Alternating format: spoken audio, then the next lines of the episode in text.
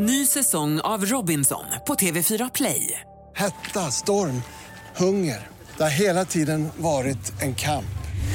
Nu är det blod och tårar. Fan händer just nu. Det. är Detta är inte okej. Robinson 2024, nu fucking kör vi! Streama söndag på TV4 Play. Podplay. Hej, Hasse Brontén heter jag och det betyder att du lyssnar på podden Snutsnack. Jesper är min gäst idag. Vi får höra om en misstänkt som springer iväg och skapar en sträckning i Jespers baksida ena låret. Mm. Man har kanske inte tid att, stretcha innan ehm, de misstänkta springer iväg. Jesper jobbade också den här tragiska kvällen när Andreas blev skjuten ehm, i Biskopsgården. Vi får höra lite tankar om och kring det. I Patreon-avsnittet får vi för första gången höra hur det är att bli sekundärkontaminerad av så kallad OC-spray. Kollegan skulle väl spraya den misstänkte men det mesta verkade ha kommit i Jespers ögon. Eh, Patreon.com slash snutsnack om ni vill höra den eller annat bonusmaterial. Annars finns vi såklart på sociala medier som eh, Facebook och Instagram. Ta det nu riktigt försiktigt där ute och så hoppas jag att du får en trevlig lyssning. 1310 1070 kom. 1310 Odengatan kom. Ja, det är uppfattat. Vi tar det. Slut. Bra. Klart slut. Varmt välkommen till Snutsnack Jesper. Tack så mycket. Du, jag kan säga, jag befinner mig nu i ett regnigt Stockholm, men där du, eh, där du befinner dig så ryktas det alltid om att det ska alltid regna på västkusten. Ja, du har inte helt fel där. Eh? Just nu, eh, just nu är det väl en höststorm som är på väg in och jag sitter och tittar ut genom mitt fönster på när paviljongen håller på att blåsa sönder så fint. Ja, det är så Eh. pass. Ja, det är lite blåsigt och det har varit lite regnigt. Sommaren är snart slut, hösten är på väg. Så är det. Ja. Jag vet, vi pratade ju vid här lite innan och då sa du, jag är en vanlig IGV-soldat. Ja, precis. precis. Jag, är, jag hör till fotfolket kan man säga. Ja, men det är ju de man ska lyfta på hatten för och buga och bocka som är ute och, och, och, och kriga på de här minutoperativa ärendena hela tiden. För det, så är det väl, det är liksom, det händer grejer hela tiden va? Jo, så är det ju. Eh, sen vet jag inte om man bugar och bockar så mycket. Det kanske man gjorde mer förr i tiden. Ja, Men eh, barnen vinkar så glatt i alla fall när man eh, kör förbi sin målade radiobil. ja jag hade ju en Så det- gäst, ehm, jag hade en gäst, det är ju ganska länge sedan nu, Sven som berättade, han började ju några år innan dig på polisutbildningen, eh, jag tror det var på 60-talet, i början på 60-talet. Han åkte ju, eh, han åkte ju i uniform eh, på tunnelbanan till jobbet. Ja, Och folk-. Och folk säger god morgon konstapeln, god morgon, god morgon. Ja, Man kanske var polis på ett annat sätt då. ja kanske. Att då, då kanske man var mer än polis 24-7. Ja, Nu kanske folk mer ser det som ett, eh, som ett jobb, mm, ja. alla andra. Mm, jo, men li, lite så. Men berätta, vem, är- vem är Jesper på västkusten? Eh, Jesper på västkusten är en eh, 37-årig ensamstående pappa som eh, sliter sitt hår på IGV i Stenungsund, södra Fyrbodal. Eh, bor i ett hus ute på Tjörn. Ja, har en son på sju år snart. Ja. Sliter du ditt hår på grund av sonen eller på grund av jobbet? Ja, det kanske är mer på grund av eh, sonen än jobbet. Nej då, han är snäll. Det är väl en, en blandning av alltihop. Ja, sen- ja, jag fattar, jag fattar. Ja, men Tjörn, då är det ju liksom... Det, det låter ju lite som på landet. Är, är det det eller? Ja, men det kan man väl säga eh, att det är. Mm. Det är ju det är ett ganska stort... Eh, alltså polisstationen ligger ju i Stenungsund. Mm. Och det är ett ganska stort område vi täcker, men vi är väl en ganska liten eh, station. Så man får väl ändå se det som att eh, man är någon form av landsortspolis. Vad, har du, vad jobbade du, har du alltid jobbat där eller? Nej, nej det har jag inte. Eller jag, jag har ju inte... Jag har väl varit polis sedan eh, 2019. Mm. Eh, Så jag har inte varit polis länge, men jag har varit inne i, i myndigheten i ganska många år. Eh, som civilt anställd tidigare. Ah, okej. Vad gjorde du då? då? Nej, men jag, jag började min resa som vaktkonstapel faktiskt, som det så fint eh, hette då. Eh, första vändan 2005 eh, i Göteborg på polisens personintag. Mm. Eh, där började jag min resa och sen gjorde jag lite grejer däremellan. Och sen började jag igen i arresten eh, som vaktkonstapel om det var 2011 tror jag. Okej. Så körde jag på några år där. Sen så gick jag till, började jobba på ledningscentralen. Eh, jag kommer inte ihåg vilket år det var. Och så jobbade jag där tills, ja, tills jag kom in på skolan kan man säga. Oj, då har du varit ett tag inom, inom myndigheten både som civilanställd och kanske längre fortfarande som civilanställd än som polisanställd. Så är det ju. Mm. Men eh, om jag har förstått det rätt så får man ju den här guldklockan. Eh, jag kommer inte ihåg om det är 30 år i tjänst. Mm. Och då räknas ju ändå de här civila åren med. Just det, just det. Så att det känns ju ändå bra liksom att man... Eh, Ja, du har kortare tid till guldklockan än dina kursare på skolan. Precis, precis. Det är viktigt. Så det känns ju bra i alla fall. Ja. Det, ja men sånt är viktigt. Sånt är jävligt viktigt. Ja, oerhört viktigt. Ja, ja, det kommer man till. Men jag tänker då när du jobbar, och för er lyssnare som inte har varit på en polisstation, de här vaktkonstaplarna då som du jobbade som tidigare, då kommer poliserna in med gripna omhändertagna, då är man med och visiterar av och sätter in i, i cell och sådär. Eller vad var dina arbetsuppgifter som, arbetsuppgifter som vaktkonstapel? Ja, men precis. Men det var ju det. Polisen kom in med omhändertagna, gripna och så vidare. Och eh, man tog ju över från eh, polispatrullen och eh, skötte avvisiteringen och eh, placerade dem i en arrest. Och sen eh, körde man lite tillsyner och eller ja, lite tillsyner, det var ju ändå ganska reglerat. Men eh, man gjorde tillsyner och man, eh, ja, vi gjorde daktningar och vi spårsäkra kläder och vi gjorde massa sådana polisiära grejer och det var väl i stort sett för att få ut polisen så fort som möjligt på, på gator och torg igen. Mm. Men var det det att du träffade på poliserna där i, i yrket som vaktkonstapel som du tänkte så här, "Ja, men jag vill vara med lite innan också, innan själva avvisitationen på stationen? Eller hur resonerade du? Nej, jag vet inte. Det, det, det har nog riktigt... Alltså, mina föräldrar är ju poliser. Båda två?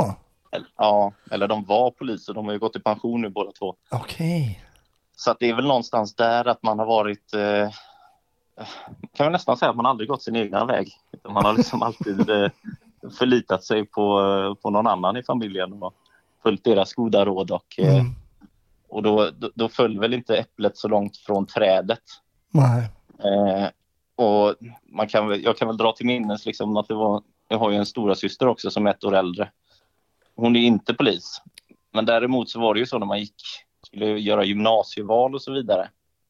Då vet jag att då, eh, då tog jag ju och hoppade på samma linje som hon gjorde. Och eh, ja, läste någon samhälle internationell och matte på engelska. Och, Mm. vilket kanske egentligen inte var min grej, men det var väldigt smidigt att liksom eh, följa någon annans fotspår just då. Ja, jag fattar. Och det är väl lite samma då med polisyrket. Kanske att, eh, att man liksom följde, alltså det blev ganska, föll sig ganska naturligt när man varit uppväxt Mm. i en polisfamilj. Har du, eh, min pappa jobbade också som polis. Har du, fick du ofta så här, ska du inte bli polis som mamma och pappa och sådär av, av äldre släktingar och bekanta och sådär? Ja, ja men det blir, det blir ju lätt så. Ja, det blev det. Eh, ja, det, ja, ja det, det blev så. Jag trodde du menade att, eh, att du hade fått eh, Jo, men de sa, folk sa det till mig. Ska du inte bli polis som pappa och sådär? Nej, jag ville ju inte det när jag var ung. Men det blev så ändå, så du har väl rätt där med äpplet kanske. Ja, men det, det är väl lite så att det, det faller sig lite naturligt kanske att man till slut eh, går den vägen. Men hur var det när du växte upp då? Visste alla dina klasskamrater så här, både din mamma och pappa jobbar som polis och... Var, Ja. men kunde du märka av det liksom att... Ah, det, det vet jag inte om man så här reflekterar i efterhand kanske. Man kanske har eh, kommit undan en del eh, slagsmål och så vidare på grund av, på grund av ens eh, föräldrakontakter kanske. Mm. Man kunde ju alltid liksom så här, typ, ja min mamma är polis och sen eh, fortsätter de stödja sig så kunde man ju säga att pappa också var polis och då, då lugnade det sig. Ja, det var så. Nej, då. Nej så illa var det inte men, eh, men, men det kan ju det kan ju säkert grunna sig lite i det. Men, eh, men de flesta visste vilka mina föräldrar var. Ja, okej. Är du uppvuxen där också ute på Tjörn? Ja, precis. Precis. Jag gick mina, eller mina första levnadsår var ute i Floda men eh, så långt tillbaka i tiden minns jag inte riktigt så att egentligen har väl hela min uppväxt varit här ute på, på Tjörn och Stenungsund. Ja. Eh, ja, i mina yngre dagar. Ny säsong av Robinson på TV4 Play. Hetta, storm, hunger. Det har hela tiden varit en kamp. Nu är det blod och tårar. Fan händer just nu. Det. är Detta är inte okej. Robinson 2024, nu fucking kör vi! Streama söndag på TV4 Play. Ett poddtips från Podplay. I fallen jag aldrig glömmer djupdyker Hasse Aro i arbetet bakom några av Sveriges mest uppseendeväckande brottsutredningar. Går vi in med hemlig telefonavlyssning och, och då upplever vi att vi får en total förändring av hans beteende. Vad är det som händer nu? Vem är det som läcker? Och så säger han att jag är kriminell, jag har varit kriminell i hela mitt liv men att mörda ett barn, där går min gräns. Nya säsongen av Fallen jag aldrig glömmer på Podplay. Märkte du någon skillnad ehm, när du gick över från den här civila anställningen, du gick polisutbildningen och sen så då så att säga kom in på stationen till den situationen som du befann dig i innan som vaktkonstapel. Vad, vad var skillnaden egentligen att, att, att, att byta där och komma in från andra hållet då? Eh, Ja, vad ska man säga? Eh, när jag började jobba, alltså jag har ju hela min polisiära karriär har ju varit i Stenungsund. Mm. Eh, och eh, vi kör ju våra frihetsberövade och omhändertagna till Uddevalla. Jaha. Och där finns ju inga vaktkonstaplar. Eh, utan där får man ju göra det mesta på egen hand som polis. Just det. Eh, så att, och det kunde jag väl känna då att, att det var lite tråkigt kanske någonstans det här med att man eh, har skämt bort så många patruller i storstan. Och när man väl själv då är polis så får man inte den, den servicen utan då får man göra det själv istället. Just det. Eh, men eh, om man ska se det som eh, polis kontra vaktkonstapel så är väl det fina att man, man liksom man fick se det fina i samhället också. Mm. Alltså man fick ju vara ute och man, fick ju, man kunde käka en glass och man kunde liksom man kunde prata med kidsen och man kunde de här solskenshistorierna de såg man ju sällan inne i arresten. Det var ju ingen som ville hamna där. Nej, ni fick bara de som hade sållats ner till ett gripande eller ett omhändertagande, så det fick ni se som vaktkonstaplar. Precis, det var ju liksom där någonstans eh, man kom in i bilden och då var det ju sällan liksom att de var så nöjda med situationen. Då. Nej, jag förstår. Så, så det är väl en stor, eh, var väl en stor skillnad. Och sen är det väl så att de flesta, de flesta stationer eh, har ju inte vaktkonstaplar. Det är väl större liksom, städer som man har fasta tjänster som vaktkonstaplar. Liksom. Jo, precis. Så är det ju. Eh, Det är ju sen kan man ju tycka att liksom, det hade man ju kunnat ha på landsorten, landsbygden också någonstans med tanke på att vi, ja, vi har ju inte riktigt samma resurser som inne i storstan så vi, Nej. vi behövs ju nästan ännu mer. De små orterna vi försvinner ju iväg långa stunder när vi väl har en frihetsberövad exempelvis. Mm, mm. Det, ja, så det är väl lite, alla skulle ha det. Men, men du hade ju ändå en oerhörd, jag tänker det är en oerhörd kännedom om polisen. Då. Dels kanske via dina föräldrar, men också som civilanställd, både som då eh, vaktkonstapel och i ledningscentralen. Det måste ju ändå varit en fördel att ha en lite så kunskap inside redan när du kom till utbildningen. Jo, så var det absolut. Man hade ju ändå, man hade ju med sig mycket. Eh, man hade ju, man har ju en annan, eller hade en annan förståelse kanske. Eh, man kunde liksom, man kunde se det framför sig vissa saker på ett annat sätt. Mm. kanske mot vad andra, alla andra gjorde. Eller så här, man, kunde, man förstod hur liksom, ledningscentralen var uppbyggd och hur man prioriterade och man liksom kunde se hur, ja, hur det såg ut. Mm. Så Mm. istället för eh, att man bara hör en röst på radion och egentligen kanske inte förstår var, var den kommer ifrån. Nej, du kanske till och med visste hur personen såg ut som hade rösten. Ja, precis. Ja, men lite så var det och det blev ju liksom en form av eh, ja, en trygghet på något sätt. Mm. Jag vet inte hur man ska förklara det, men Det är otroligt intressant hur man aldrig vet, man tror sig veta hur en röst, hur den, den personen ser ut när man har hört dem på radio. Man, det var ju några man hade hört så här, ja, halvår, ett år och så mötte man dem och tänkte, men det är helt fel. Jag hade, jag hade föreställt det sig helt annorlunda ut. ja, ja, så är det ju. Så är det ju. Många gånger så man får ju konstigt nog en bild i huvudet av hur rösten ser ut. Mm. Alltså även om det är röst man inte känner igen. Men sen om man skulle träffa personen så, ja, då är det inte säkert att man hade hejat så att säga. Men, Och det är väl likadant åt andra hållet också. jo, jo, men så är det ju. Men hur är det att komma ut och liksom och jobba i det närområdet som du faktiskt är uppvuxen i också? Och jobbade även dina föräldrar där också eller? Ja, precis.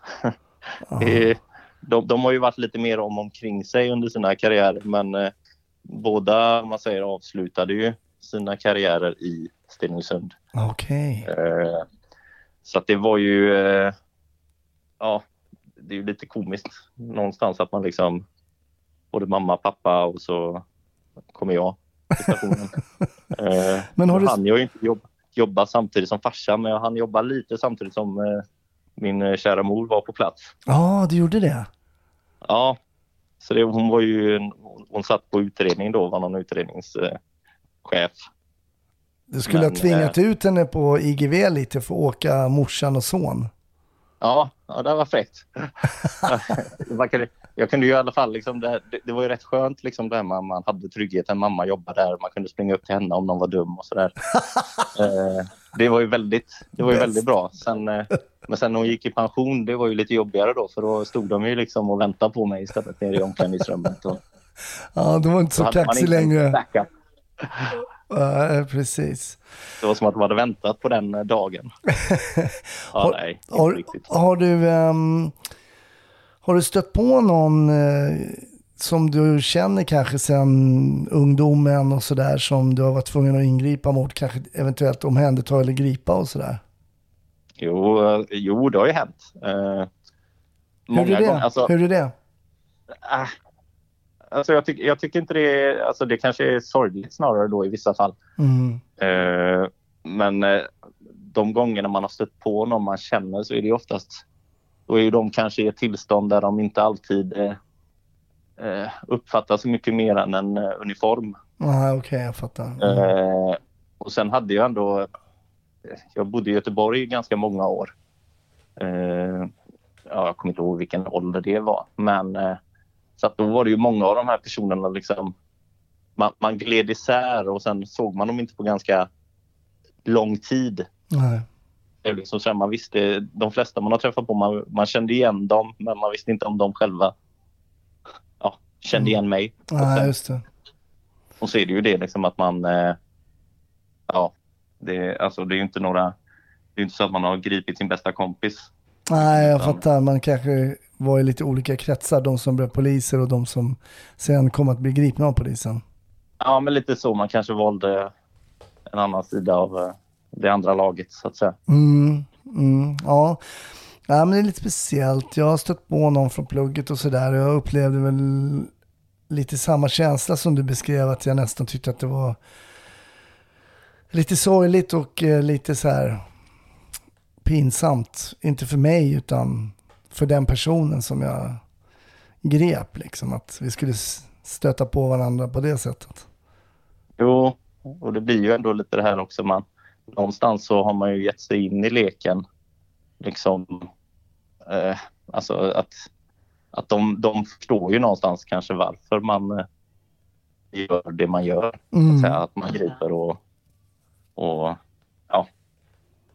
De förstår ändå polisens roll, de flesta. Mm, mm. Och de flesta man ingriper mot förstår ju någonstans också kanske då att de har gjort fel. Eh, ja, Mm. kanske inte alltid men. Ja, jag fattar. Men du har ju varit ute då, du har varit färdig i tre år ungefär. Vad har, du hunnit, vad har hunnit hända i din polisiära karriär? Har, vad har du liksom för, för minnen eh, från de här åren som har gått? Ja, jag har ju försökt att tänka lite sen, eh, sen vi pratades vid sist. Eh, att eh, ska man säga, jag är ganska bra på att liksom släppa jobbet när jag inte jobbar. Mm. Så jag fick gräva lite i min eh, hjärnbalk och se vad, som, eh, vad jag faktiskt har varit med om. Eh, och det är väl lite så här spridda, spridda skurar. Mm. Eh, det är väl... Kan väl ta något exempel som jag kanske... Bara någonting som jag kom på som jag, som jag vill... Eh, det var väl när... Eh, jag, hade, jag har haft en springjagis Mm. Och min berätta, karriär. berätta springjagis, hur, hur skulle du förklara för icke-polisiära lyssnare vad det är? Ja, det handlar ju om att man har lämnat sitt eh, polisfordon och eh, så att säga är till fots. Och eh, man eh, ser en person som eventuellt har gjort något fel och man, eh, den personen springer och man försöker springa efter, Just det. jaga ikapp. Mm. Och där har jag väl ett minne att det var en ganska ful misshandel i Stenungsund. Eh, några ungdomar som, eh, som sprang från platsen. Mm. Vi försökte lokalisera de här ungdomarna med, med polisbilen. Eh, till slut så såg vi några ungdomar som gick och såg lite, lite skumma ut. Och tänkte att vi får gå ut och kontrollera dem här och prata med dem och se vad det kan vara. Men när du säger att Ja. du ser ungdomar som ser skumma ut, hur, hur kan du beskriva eh, hur en polis... det, det, det, jag förstår att det är väldigt, väldigt svårt, men, men ibland så får ju polisen någon form av... Det är ju någonting intuitivt blandat med kanske beteende, blickar. Och sen säger man, men det ser skumt ut. Okej, de ser skumma ut liksom. Vad, vad, vad är det för någonting som drar blickarna, och, alltså polisens blickar till sig? Ja, I detta fallet just så, så var det ju ändå eh, eh, tidpunkten och platsen. Mm, Det var ju mm. mitt i natten. Det var liksom inte... Det, det- det fanns... Ja, McDonalds var väl det enda som hade öppet. Och det var väldigt nära den här eh, platsen för misshandeln och eh, eh, ja, åldersspannet Ja, just det. stämde Mm. överens med det som vi letade efter helt enkelt. Ja, ja, jag fattar. Så, så att det var väl, det var väl egentligen eh, det var väl ganska enkelt nästan att lista ut att de hade ju någonting med det här att göra. Ja. Eh, och jag lämnar ju bilen och min kollega då lämnar jag också bilen. Hon går fram och pratar med en person och den personen jag ska gå och prata med vänder på klacken och börjar springa. Eh, ja, så tänkte jag. Min första tanke var ju fan också. Eh, och jag tänkte jag får ju börja liksom lunsa efter. Mm. Så jag, eh, jag kände mig ju jättesnabb eh, men insåg att hans eh, ja, ungdomliga kropp och eh, snabba skor eh, skulle liksom...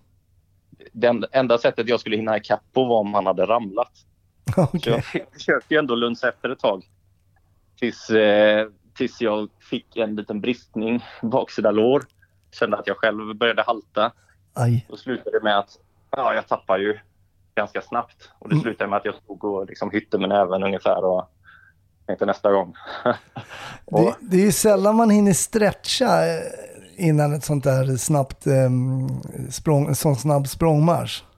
Nej, det, är- det är inte, man sitter inte i bilen och liksom sträcker ut och tänjer på lederna ifall att man ska behöva springa. Utan Nej.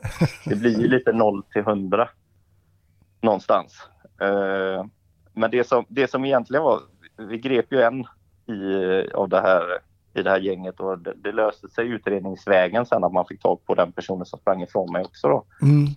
Men kontentan, det som var det mest, eh, vad ska man säga, eh, kränkande i det hela, det var ju kanske inte att jag förlorade den här språngmatchen. Nej. Utan det var ju snarare det här mejlet jag fick av en utredare. Nej, Några vad roligt. Låt, låt höra, låt höra. Ja, men det var lite så här. Då frågade... Kontentan av mejlet det var i alla fall det här om, eh, om jag hade noterat att personen som sprang ifrån mig haltade. Och då kände jag... Och det var ju så här en... Liksom, för mig var ju det... Alltså det var ju eh, Usain Bolts eh, lillebror som stack ifrån. Liksom. Ja, ju, såklart. det var ju liksom världens snabbaste person. Och så får man ett mail då om jag noterade att den här personen var halt och lytt. och då, då kändes det ju liksom... Du var ju kändes tvungen att svara ja där ju. Du var ju tvungen att svara ja. Ja, jag, jag, jag, jag kommer inte ens ihåg vad jag svarade på det, men jag, jag noterade nog inte just då att personen haltade ifrån mig, utan det kändes ju som att han var jättesnabb. Det, det, det var ju min upplevelse. Sen kanske han var halt och lytt och jag har inte sett, jag har inte sett den här språngmarschen filmad uppifrån, utan eh, så att jag, ja, det, det, det sved lite. Ja, det förstår jag. Men sen måste man ändå ha i åtanke, nu mötte ju du en betydligt yngre med explosiva muskler som drog iväg där mitt i natten. Men Ja, sen var ju du också belamrad med utrustning. Ja, ja, ja, ja. Och jättemycket utrustning också för Extra mycket den här kvällen va? Ja, ja, ja. extra mycket. Jag är ju jag är en kallad harig polis. Att jag behöver liksom så mycket utrustning som möjligt för att överleva där ute. Men det är ju ändå, är det väl 10 kilo som åker på nästan, är det inte det? Jo, de säger ju det. Att det är något sånt. Ja, och då är det det- inte lätt att hinna ikapp. Nej, nej. Nu ska vi alltså... Nu ska vi ju inte... Han, han var bra på att springa, jag var inte bra på att springa. Så vi ska inte försöka rädda upp det här. Liksom. Jag, jag inser att jag, att jag inte var bättre helt enkelt just den kvällen. Men behövde du betala för någon tårta eller någonting för att du hade, för det var inte, men det var inte en tapp heller. Det var liksom inte så att han var gripen och sen att han blev tappad och drog, alltså, utan Nej, han nej. drog, han var borta redan direkt. Ja, precis, precis. Det var liksom inte det här att jag höll i han och att han sen slet sig och sprang ifrån mig. Så att nej, det blev ingen, eh, ingen tårta i alla fall. Men om du hade haft han först i näven så att säga, så att hade du gripen och sen hade han dragit och hade det blivit tårta då? Eh, ja, kanske. Ja. Jag brukar alltid... Folk tycker att jag ska köpa tårta så ofta av olika anledningar och jag brukar alltid ducka det. Jag, jag brukar alltid komma undan det, så jag vet inte. Men i det fallet borde det kanske vara en tårta. Men har du aldrig köpt en tårta du känner så här, jo men det här var faktiskt värt en tårta, jag måste hosta upp libran här nu och pröjsa för en tårta. Har det hänt? Ja, jag, jag, jag brukar tänka att jag ska köpa en tårta. Sen, eh, sen kanske det faller i glömska istället. Ja, Så de att måste... efter det här så kanske jag borde köpa en tårta. Ja, kanske. De som Bara hör det här avsnittet kanske kommer påminna. Nej, men jag tycker inte att det är tårta om man inte är Hade du gripit honom och han hade liksom ryckt sig ur ditt grepp och sen sprungit iväg, då, är en, då tycker jag att det är en, då är det en klassisk då är det tårta. Ja. Ja, men då, då, då är det en solklar eh, tårta. Nu var det väl mest eh, liksom, synd om mig på något sätt att jag inte nog med att han sprang ifrån mig. Utredare ifrågasatte liksom, ja, att jag inte ens kunde jaga ikapp en halt och lytt. Plus att du blev halt och lytt med en bristning på baksidan av låret. Precis, och det var ju också lite så här, man, alltså man haltade tillbaka till bilen där och var skitsur. Och, nej, det var en dålig, en dålig afton. Jag tror till och med det blev eh, övertid i passet, eh, enkel övertid och det är inte, nej, det är inte bra. Det gillar jag inte. Övertid och sedermera rehab också. Re, rehab, ja. Absolut. Oh, ja. Ja, men okej, så då hade det alltså, men han blev ju ändå um, gripen sen berättar eller han, blev han dömd också för de här, blev de dömd för den här misshandeln eller vet du det? Eh, jag tror faktiskt inte att de blev det i slutändan. Jag tror faktiskt inte det. Eh, jag, jag, det är ju en sak jag... eh, Jag är inte så bra på att följa upp mina case. Nej. Eller rättare sagt, jag väljer att inte följa upp mina case mycket. Varför väljer du att inte följa upp dina case om du har möjlighet att göra det? Nej, men det är nog någon form av, eh, vad ska man säga? Det är egentligen någonting som jag kanske tipsar eh, yngre kollegor och sådär också. Det här att, eh, att man inte ska följa upp sina ärenden allt för mycket. För många har ju en tendens liksom att man, man, man följer upp ärenden och sen blir man besviken när man ser utfallet. Och det tror jag kan vara en sån här, eh, ja, skulle kunna bli en, eh, en grej som gör att man eh, ifrågasätter varför man håller på ibland. Mm, en så kallad downer. Ja, men lite så. Jag tänker att det är bättre i många fall att man liksom gör det man ska där och då. Skickar iväg sin anmälan. Får man inte tillbaka den, okej, då är den borta. Mm. Kan man börja jobba med nästa case.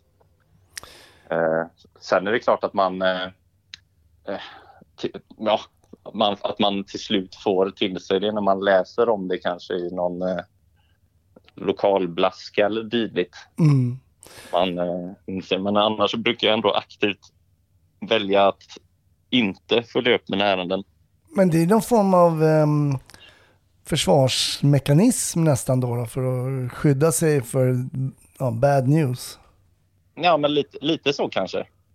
Alltså för, eh, jag menar, eh, ib- ibland FU-begränsas saker och ting och man, eh, det, det finns säkert en anledning till det.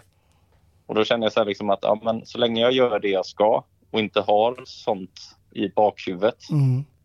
så tänker jag att då, då är det lättare att arbeta obehindrat så att säga. Mm, men jag, jag kan förstå vad du menar. Mm. Eh, så att jag brukar vara dålig eller jag brukar inte följa upp mina ärenden liksom, utan jag brukar försöka göra det jag ska och sen släpper jag det.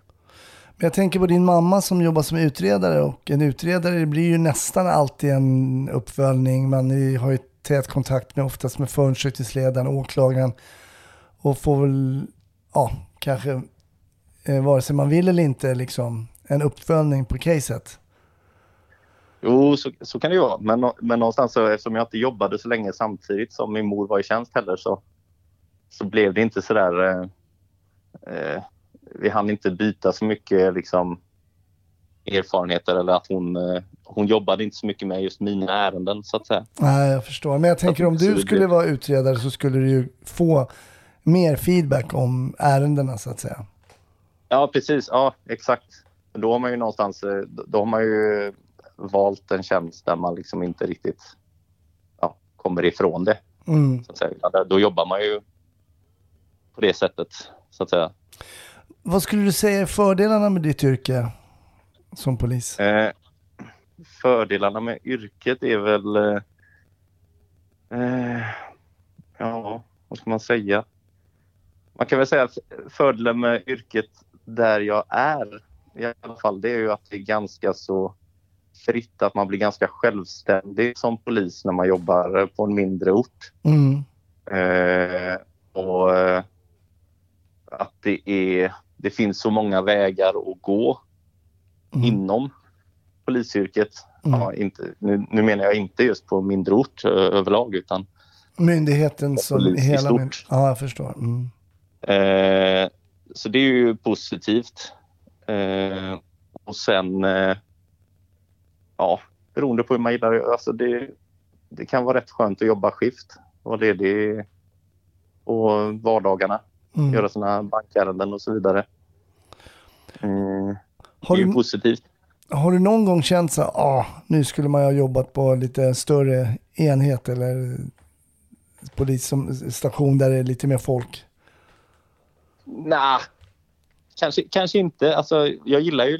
Alltså, det är väl klart att man... eh, Nu är det ju mycket familjesituationen också som gör att man, eh, man är där man är. Mm. Eh, Att man är lite, man är lite låst.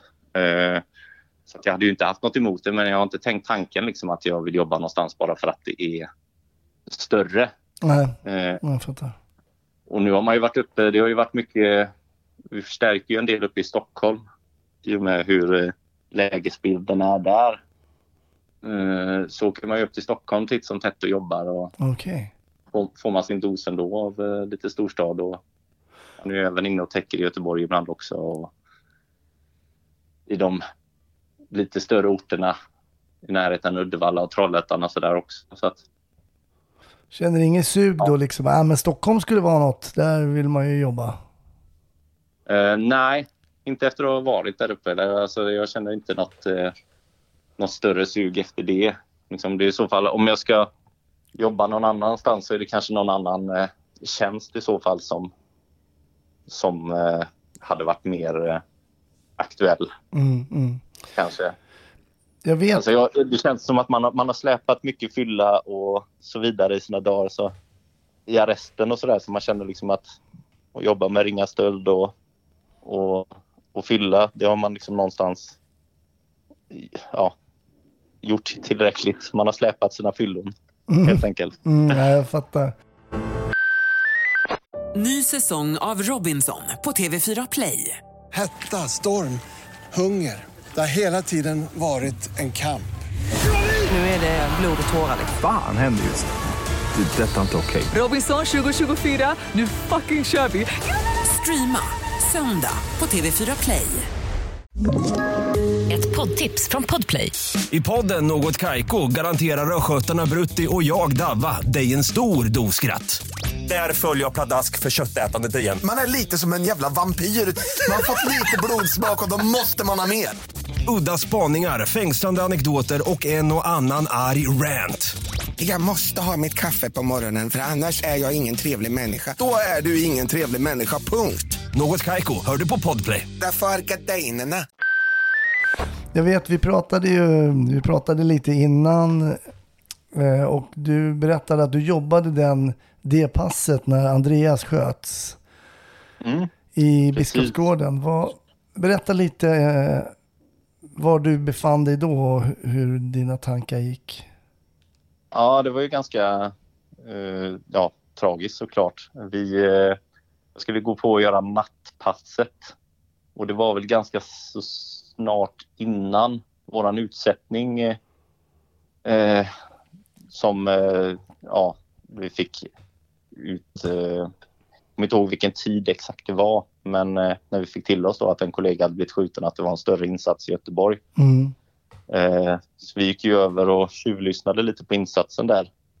Och då hörde man ju liksom att, ja, att det var kaos och man hörde ju att, att det var eh, väldigt mycket, eh, vad ska man säga, känslor i, eh, på insatsen. Mm. Man hörde ju hon som höll insatsen eh, eh, ja, kämpade ju med att hålla sina känslor i schack ungefär och man förstod att det, att det var allvar. Hur reagerade ni på plats, ni som hade, skulle gå ut på ert nattpass? Och hur blev stämningen liksom i er grupp och er kollegor emellan när man hör liksom att en, en kollega Nej. i närområdet precis har blivit skjuten? Eh, nej, men stämningen blev ju jättedämpad och jag vet att de som jobbade kvällen, alla blev ju beordrade att stanna kvar på arbetsplatsen. Så att kvällen fick ju inte åka hem och eh, vi som gjorde natten, vi, eh, vi, vi ställde oss, vi åkte ut och ställde oss lite strategiskt nära E6 ifall det skulle vara så att det kom in något om en bil som hade dragit. Mm. Så att man kunde liksom ha lite koll på trafiken där. Och detta, just det här nattpasset så var det ju, eh, då var det ju jag och så två kollegor till och en aspirant. Och då eh, blev det ju så att jag körde ju en singelpatrull, eller jag körde själv i en bil. Mm. Eh, och så två stycken då tillsammans med aspiranten. Och då kändes det ju lite sådär att stå och hålla E6an i Stenungsund. Det kändes som att det, det behövde ju inte vara två bilar till. Så då gjorde jag, eller jag kontaktade ju vårat yttre befäl och kontaktade eh, RLC då och frågade om eh, de behövde hjälp nere på eh, Hisingen då. Mm. Biskopsgården. Eh, jag tänkte att då kan jag ju lika gärna åka dit. Så då tog jag mig ner till stan eh, och hjälpte till under natten där med lite dörrknackning och så vidare. Mm. Dörrknackning är väl egentligen eh, bland det tråkigaste man kan göra men just då kändes det ju ganska, ganska viktigt. Vad fick ni för respons när ni knackade på av boende i området? Hur pass medvetna var de kring vad som hade hänt då? Ja, de flesta hade ju, var ju i alla fall medvetna om att någonting hade hänt. Mm. Sen var det ju många som hade, om man säger fönstret kanske åt fel håll och så vidare som inte hade sett så mycket. Medan vissa familjer hade ju sett desto mer eh, och hört mer. Eh, så man försökte ju samla så mycket information som möjligt och, och de som hade intressant information, det var ju sådana vi liksom, vad ska man säga, man tog bra uppgifter och så vidare och så fick ju någon utredare prata mer med dem Ja, senare, vid ett Mm. senare tillfälle. Mm. Men jag kommer ihåg känslan det här när, eh, när larmet gick ut eller när de berättade att, att, eh, att han hade avlidit och det här och att eh, ja, man förstod att det var många som inte kunde fortsätta jobba på den insatsen för det var ju många som kände honom Mm. såklart väldigt Mm. väl. Eh, så då kändes det ju som att ville man ju bara ner dit och göra något. Ja, jag fattar. Och det påverkade ju så många, även folk på våran station och sådär som kände honom och sådär så att det var ju väldigt det var ju lite Nej, det var väldigt speciellt. Hur nära, kom, hur nära kommer den liksom? För det måste ju vara på något sätt en uppenbarelse, även fast man vet eh, när man jobbar som polis att grovt våld kan förekomma och att det ibland också kan riktas mot en som, som polis. Men när det blir så liksom hands-on att verkligen en kollega är skjuten och dödad, hur mycket tänker du på att det här kan ju faktiskt hända mig? Är det en, var det någon tanke som dök upp? Uh, nej, egentligen inte just då. Alltså Mm, det är väl egentligen, alltså det är väl klart att det är någonting man har med sig Mm. eh, och att det blir väldigt konkret när det väl eh, inträffar Mm. eh, såklart. Men det är ingenting jag går runt och, och tänker på. Det är det inte. Nej. Men, men det var ju otroligt eh, tragiskt såklart. Mm. Och som sagt, det påverkade ju så många.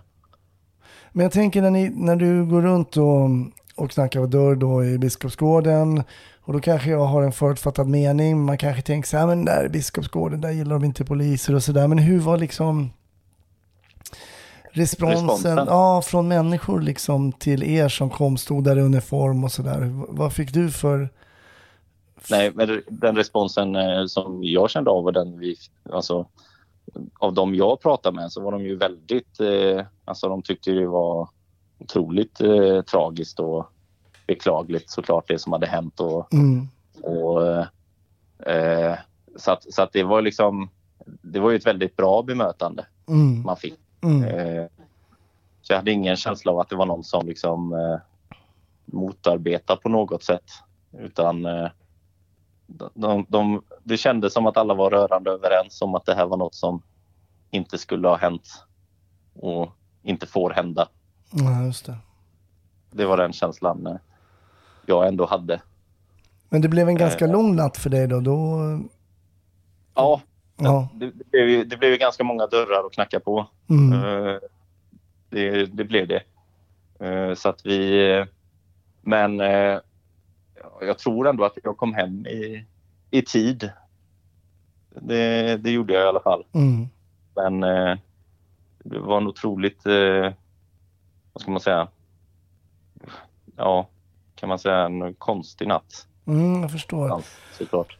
Jag kan tänka mig att när Eh. man är inne i jobbet, alltså där du, när du knackar dörr och sådär, att man kanske inte tänker på det som ett hot mot sig själv just då och sådär. Men kan det hända för dig att sådana tankar kommer senare, när liksom det har landat lite mer, eh, när man inte är liksom mitt upp i någonting och kanske känner den omedelbara faran då för att man jobbar och fixar och timmarna går och man knackar dörr och så. Men när man ändå, jag tänker man kommer hem, du har din son, man sätter sig i soffan, man hinner liksom eh, sänka axlarna, känna att man är lite trött, ta in det som har hänt. V- vad händer hos dig då när du liksom kan slappna Mm. av i det? Är det skillnad? Ja, nej, alltså egentligen. eh, Det händer nog inte så mycket faktiskt. Rent känslomässigt så. Eh, Just bara i detta fallet då, så då är det väl mer omständigheter som gör att man, eh, eh, vad ska man säga, blir mer, eh, ja, att man bryr sig mer. Så att, säga. att det var en kollega och att det var många kollegor som kände personen och liksom man, eh, jag hade ju en kollega på turlaget som kände honom väldigt väl. Mm. Eh, och liksom, allt det gör ju liksom att omständigheterna gör att det är klart att det, att det känns mer men det är inte så att jag... Eh, jag vet inte hur jag ska förklara det, men det är inte så att jag är rädd för min egen skull. Nej, nej. nej men jag förstår Eller- du menar. Mm. Så, så är det inte.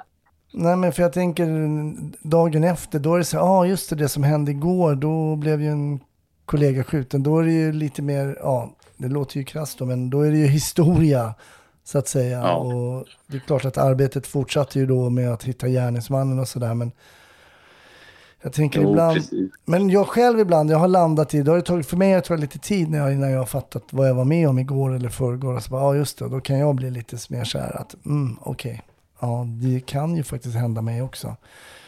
Men det, men det kanske inte påverkade direkt mitt säkerhetstänk eller något sånt där uppenbart. Mer att man tänker att man, ja det här jobbet kan verkligen ibland sluta illa.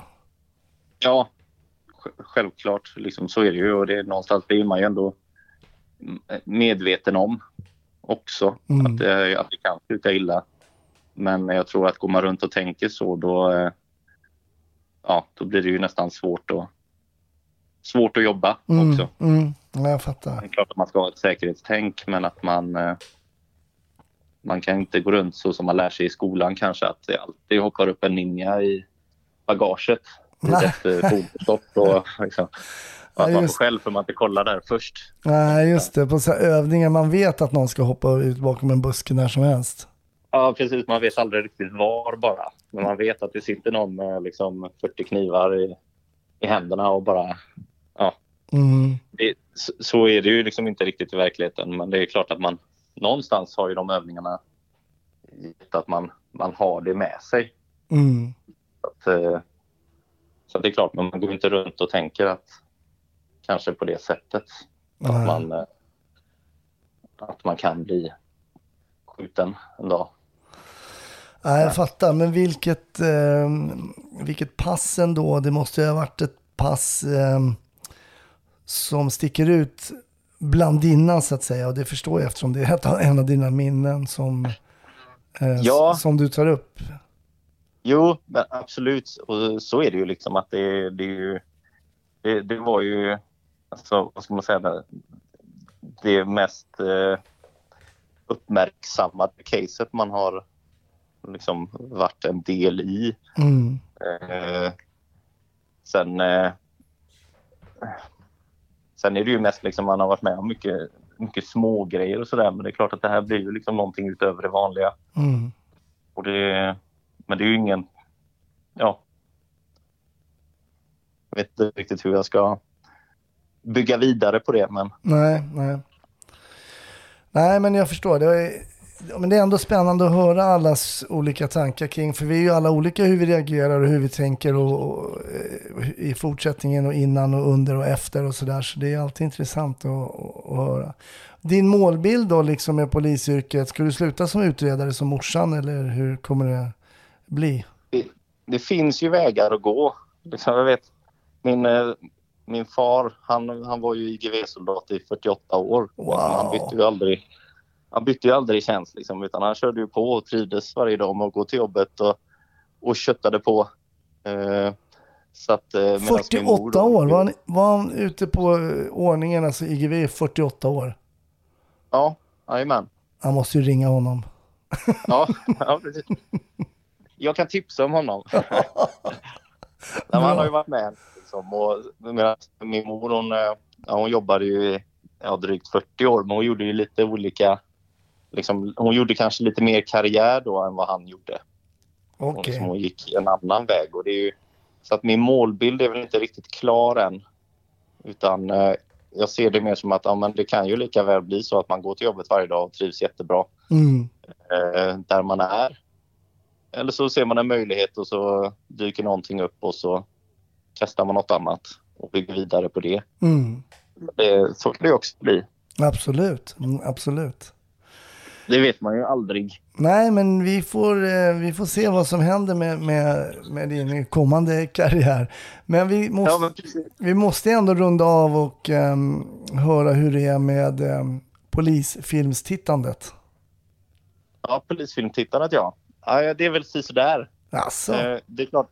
Ja, men jag har ju sett, det är klart, jag har sett alla eh, Falk-filmer och jag har väl sett de flesta Beck-filmerna. Mm. Eh, och sådär. Eh, och tycker väl att det är ganska underhållande eh, faktiskt. Ja, du gillar den då? Mm. Ja, men, men det gör jag ändå. Liksom, så att det, det, jag tycker det är lite fascinerande just det här att man... eh, Det kan vara skönt ibland att störa sig på saker.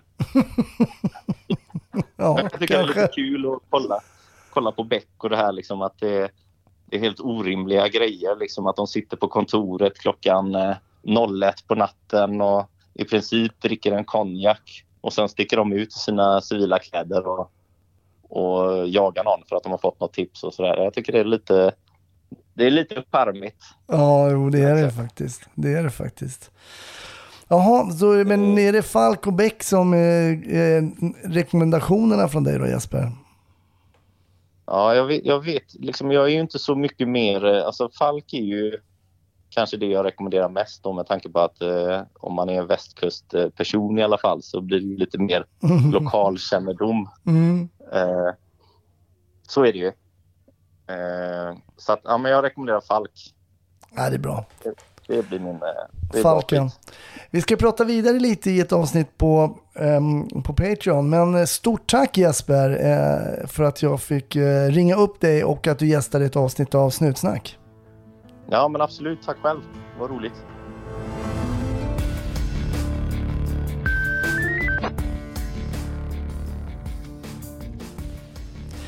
Tack för att du har lyssnat på Snutsnack. Ja, det är slut för den här veckan. Tillbaks i nästa. Patreon.com slash snutsnack för bonusmaterial med Jesper eller med många andra gäster. Vi hörs i nästa vecka. Hej då!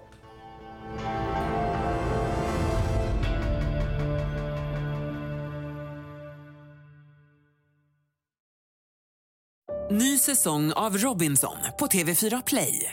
Hetta, storm, hunger. Det har hela tiden varit en kamp. Nu är det blod och tårar. Fan händer just nu. Det. är Detta är inte okej. Robinson 2024, nu fucking kör vi! Streama söndag på TV4 Play.